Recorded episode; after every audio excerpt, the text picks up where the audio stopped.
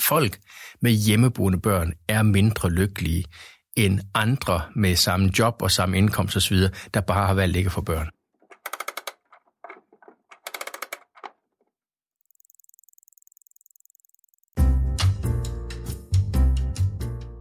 Du lytter til Det Videnskabelige Kvarter. En podcast fra Aarhus BSS, hvor vi sammen med en forsker på 15 minutter vil give dig et indblik i noget forskningsbaseret viden om erhverv og samfund. Mit navn er Michael Skrøder.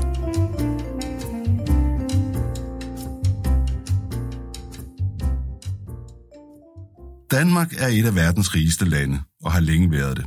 En position, som vi har opnået på trods af, at vi ikke har ret mange traditionelle råstoffer, som vi kan hente op af undergrunden og sælge. Men i Danmark er råstofferne ikke til at tage at føle på. De opstår og udvindes mellem danskerne og i den måde, vi mødes og agerer over for hinanden. Det videnskabelige kvarter sætter fokus på disse bløde værdier, der selvom de ikke umiddelbart kan lastes på et skib og sælges til udlandet, er milliarder af kroner værd for det danske samfund og en væsentlig årsag til vores økonomiske og sociale rigdom.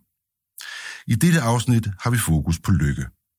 Som danskere betegner vi ofte os selv lidt selvironisk som et folk, der brokker os over alting. Selv vejret brokker vi os over. Men fakta er, at danskerne i virkeligheden er blandt de lykkeligste mennesker i hele verden. Og vejret, det betyder faktisk ingenting i den sammenhæng. Til at forklare os alt det nærmere har vi besøg af professor i økonomi ved Aarhus BSS, Christian Bjørnskov. Han har i adskillige år forsket i netop lykke. Velkommen til dig.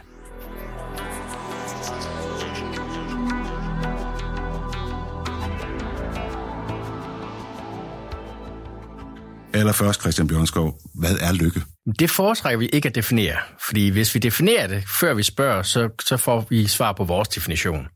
Så det vi gør, det er, at vi spørger folk, hvor lykkelige de er, hvor tilfredse de er, og så ser vi, hvad er der fælles for dem, der så er lykkelige og tilfredse osv. Øh, vi, vi kan komme nærmere en definition på, hvad lykken er, ved at se, hvad der er fælles for dem, der er lykkelige. Og hvordan måler man så, hvor tilfreds man, man, man er, eller hvor man er? helt, helt åbent og, og simpelt, hvor lykkelig er du alt det, eller hvor tilfreds er du med dit liv som helhed.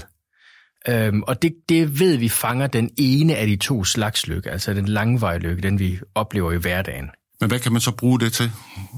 Man kan bruge det til, til, til mange ting. Vi kan altså selvfølgelig for det første blive meget klogere på os selv. Hvem er vi, og hvordan er vi anderledes end andre? Øh, men man kan også bruge det på, på, på områder som for eksempel, hvis man skal vurdere en eller anden form for politik, som måske ikke skabt flere arbejdspladser eller gjort os lidt rigere. Øh, har, det, har den bivirkninger? Øh, påvirker den også vores lykke, eller kan den eventuelt decideret ødelægge lykke for nogle folk? Så det giver nogle flere nuancer i, i politik også, at man har det her ekstra, øh, det her ekstra mål for, hvordan folk opfatter deres liv. Nu er du jo nationaløkonom. Ja. Hvorfor er det vigtigt for dig at forske i, hvor lykkelige vi er? Hvad har det med økonomi at gøre? For mange af os, der er det sådan en tilbagevending til det oprindelige spørgsmål. Så hvis man går tilbage til, til midt sidst i 1700-tallet, så opstår de moderne samfundsvidenskaber i forbindelse med den skotske oplysningstid. Det, det er David øh, Hume, det er James Ferguson, Adam Smith osv. Og deres store spørgsmål i virkeligheden var, hvorfor er nogle menneskers liv så meget bedre end andres, og hvorfor er nogle menneskers liv nogle steder i verden så meget bedre end andres. Øh, og det har vi så 250 år senere en masse forskning i, hvordan vi objektivt skiller sig. hvorfor er nogle folk rigere, hvorfor er nogle folk sundere osv. Øh, og lykkeforskning det er virkelig en, en tilbage til, hvordan, hvor, hvordan opfatter folk så deres liv? Er det også på den måde forskelligt fra, fra sted til sted?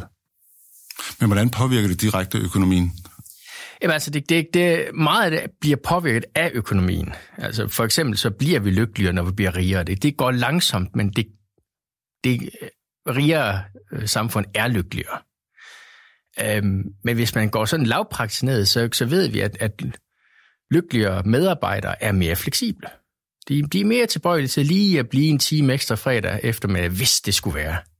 Men betyder det så også, at øh, hvis jeg fik en masse penge, så vil jeg blive lykkeligere? Øh, ja, hvis du er så nogenlunde gennemsnitlig, så ja. Øh, vi kan jo ikke sige, at sådan er det for alle. Men vi kan sige, hvad der, hvad der er generelt for de fleste. Og, og der er der en række studier fra de sidste cirka 10 år, der peger på, at ja, folk bliver altså lykkeligere, når de bliver rigere.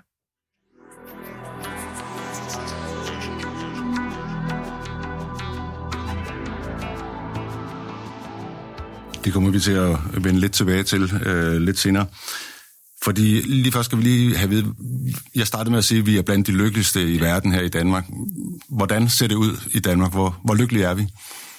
Altså, når den europæiske social service spørger os på sådan en 1-10 skala, øh, så er gennemsnittet for de danskere, der er født i Danmark, cirka 8,5. Øh, det er næsten to point højere end gennemsnittet i Frankrig. Og det bliver begge to rige, vestlige, demokratiske, fredelige lande. Men der er altså meget, meget store forskel på, på selv de vestlige lande. Men hvorfor danskerne er så meget lykkeligere end britterne, eller franskmændene, eller grækerne, det hænger sammen med noget andet end, end rigdommen. Hvad hænger det så sammen med? Det er helt, helt særlig grad, i grad vores, vores enormt høje tillid. Altså, vi har en tillidskultur i de skandinaviske eller nordiske lande, der er anderledes end stort set alle andre steder i verden. Vi, vi stoler meget mere på, på hinanden. Altså helt særligt på folk i vores samfund, som vi ikke kender. Og det gør bare vores hverdag meget nemmere, og det har også en, en række andre påvirkninger på den måde, samfund fungerer på, som, som bare skaber et rare samfund. Så tillid har noget med, med, med hvor tilfreds vi er? Ja. Yeah. Er der andre ting, der, ja, det, der, den, der spiller den, ind? Den anden, det er sådan noget, som, som sjovt nok, vi kan se meget, meget tydeligt, for eksempel både Danmark og, og, øh, og Norge, og svagere i Sverige, det er folks opfattelse af frihed i deres eget liv. Altså, kan jeg selv vælge mit eget liv ud af der lovmæssige begrænsninger eller så videre, og uden at der er socialt tabu mod de valg, jeg, jeg nogle gange tager. Altså, der, der er der altså meget, meget højt til loftet i virkeligheden i det danske samfund. Og den, den sådan enorme følelse af personlig frihed, som vi deler med nordmænd og islændinge og Australier og også, den findes ikke helt på samme måde i Sverige. Øh, der hvor Sverige og muligvis også Finland er anderledes, det, det er fornemmelsen af personlig frihed. Det, det er, at der bare er, ser det ud til at være flere livsvalg, der er tabuiseret. Selvom det er fuldstændig legalt, der er ingen lovmæssig barriere, så, så er der social kontrol, som er anderledes i Sverige, end den er i Danmark eller Norge eller Island. Øh, den accepterer svenskerne, men det betyder altså bare, at de ikke har den samme opfattelse af frihed i deres, i deres personlige liv. Hvornår er det så, at vi er lykkelige? Hvornår i livet er vi lykkelige? Øh, jamen det, vi er lykkeligst, når vi er yngst og ældst. Øh, det, det, det er sådan en, en, en sjov ting, som lykkeforskningen har bekræftet, hvad vi virkelig alle sammen ved. Det er, at, at frustrationerne og bekymringerne vejer tungest fra sådan midt sidst i 40'erne. Det, det, det er typisk bunden af lykkekurven. Det er der. Så det er de øh, forvirrede unge og de afklarede ældre, der er de lykkeligste, eller hvordan? Ja, det, det er altså, når man er ung, så, er, så, så kan man alt muligt, og hele livet ligger foran en. Og på et eller andet tidspunkt i livet, der, der lærer man meget mere om sig selv, og om hvad man kan og ikke kan, og kommer til overens med det. Øh, og når man så bliver ældre, jamen, så ender man med at være ret lykkelig igen.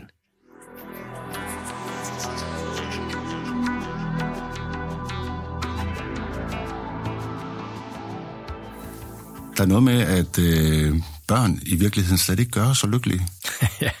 ja, det, det er en af de kontroversielle øh, ting, vi, vi finder. Og det er faktisk et af de stærkeste resultater i, i rigtig meget lykkeforskning. Det er meget, meget tydeligt. Folk med hjemmeboende børn er mindre lykkelige end andre med samme job og samme indkomst osv., der bare har valgt ikke at få børn. Men det er vel ikke børnene, der gør os ulykkelige? Jo. Jo. det, det, det, det, altså, lidt af det kommer måske fra børnene, men det er virkelig vores egne reaktioner på børnene. Det er, at vi bekymrer os hele tiden, når vi har børn. Det er, at vi sætter os selv og vores egen behov til side, og så er der bare en masse ting, som man ikke kan, når man har børn. Øh, og det vejer meget, meget tungere for de fleste mennesker, end de oplevelser, vi nogle gange får med børn. Der er også nogle ting, som ikke gør os lykkelige. Ja. Og de er næsten, har jeg hørt dig sige, lige så interessante som det, der gør os lykkelige. Ja, altså for al forskning der gælder det, at, at det er lige så interessant at finde ud af, hvad der ikke er vigtigt, som hvad der er vigtigt. Og det er sådan noget som velfærdsstaten, den vender vi os til. Skattetryk vender vi os til. Klima, og, og, altså vejret vender vi os til. Vi, vi, vi får traditioner for, hvordan man håndterer regnvejr, så man ikke har steder, hvor det ikke regner her så meget som i Danmark. Altså utrolig mange. Religion ligegyldigt.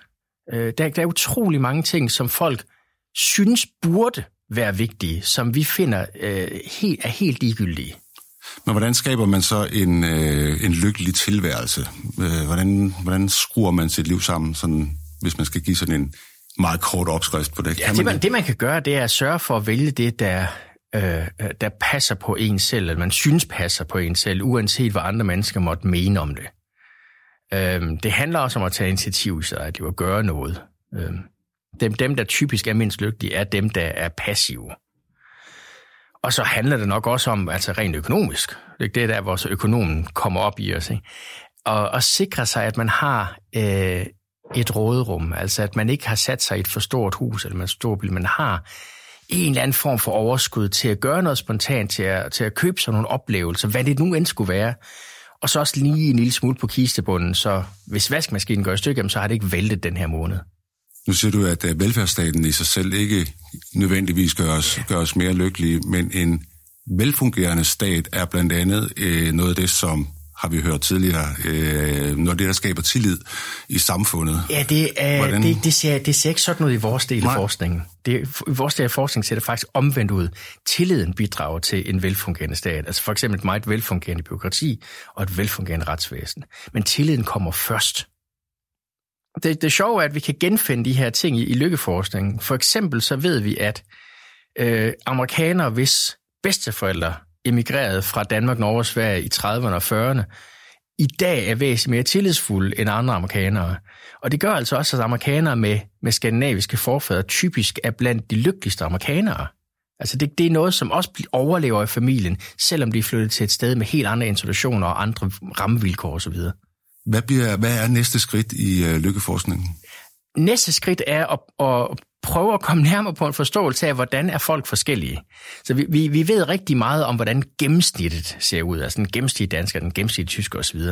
Men der er altså mange, mange minoriteter i samfundet, og vi er begyndt at forsøge at kigge på minoriteter, som for eksempel øh, i, i vores nyeste forskning, immigranter i Europa og hvor, hvor meget tager de med hjemmefra, og hvor meget vender de sig til det nye land. Har I nogle resultater allerede? Ja, men det, vi, vi, vi har, vi har øh, nogle resultater ude, som er på vej igennem den almindelige videnskabelige proces, øh, som peger på, at hvis for eksempel en franskmand flytter til Danmark, jamen så, øh, så stiger hans lykke, lykke halvvejs op til det danske. Altså, man, halvdelen af det tager han med hjemmefra, og halvdelen af det er noget, han vender sig til øh, i Danmark det sjove er, at dem, hvor, hvor vi kan se, at de tager mest med hjemmefra, det er folk fra andre vestlige lande. Øh, hvis man kommer fra lad os sige, Gabon eller Tanzania eller Fiji, så kan vi se, så, så, så vender man sig mere til, til Danmark. Altså dem, der kommer længere væk fra, øh, tager mindre med rent kulturelt til Danmark. Og dem, der kommer fra tidligere østeuropæiske lande, det er den store, store oplevelse for os. Vi, vi endte med at bruge et par måneder mere på artiklen. Dem, der kommer fra Østeuropa, kan vi ikke se, tager noget som helst med hjemmefra. Altså, de bliver i høj grad ligesom os. Og de bliver også lige så lykkelige som, som danskere? Det, det ser ud til, at, at deres, deres børn bliver lige så lykkelige. Øh, første generation er altid lidt anderledes, men anden generation ser ud til at være præcis ligesom danskerne den danske lykke her til sidst, er det en opadgående kurve, eller er det en øh, flad kurve, eller er den for nedadgående? Hvordan, så, ser det ud? så vidt vi kan dømme, og vi har nogle europæiske undersøgelser, hvor vi faktisk kan, kan sammenligne tilbage til 1975. Øh, så vidt vi kan dømme, så er den for opadgående. Meget, meget langsomt, men for opadgående. Der er ikke nogen som helst indikationer på, at det skulle være på vej ned eller være truet. Christian Bjørskov, tusind tak, fordi du kom i dag. Det var fornøjelse. Ha' en lykkelig dag. I lige måde. Tak.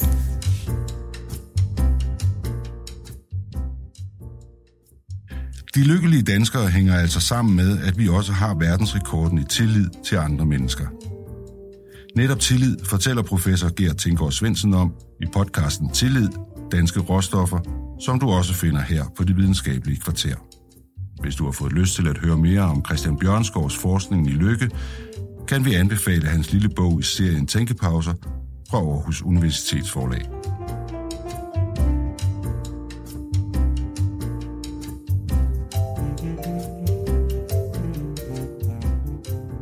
Er du interesseret i forskning om erhverv og samfund, så abonner på Det Videnskabelige Kvarter på iTunes eller der, hvor du normalt lytter til podcast. Du kan også finde os på Aarhus BSS' hjemmeside på insights På genhør.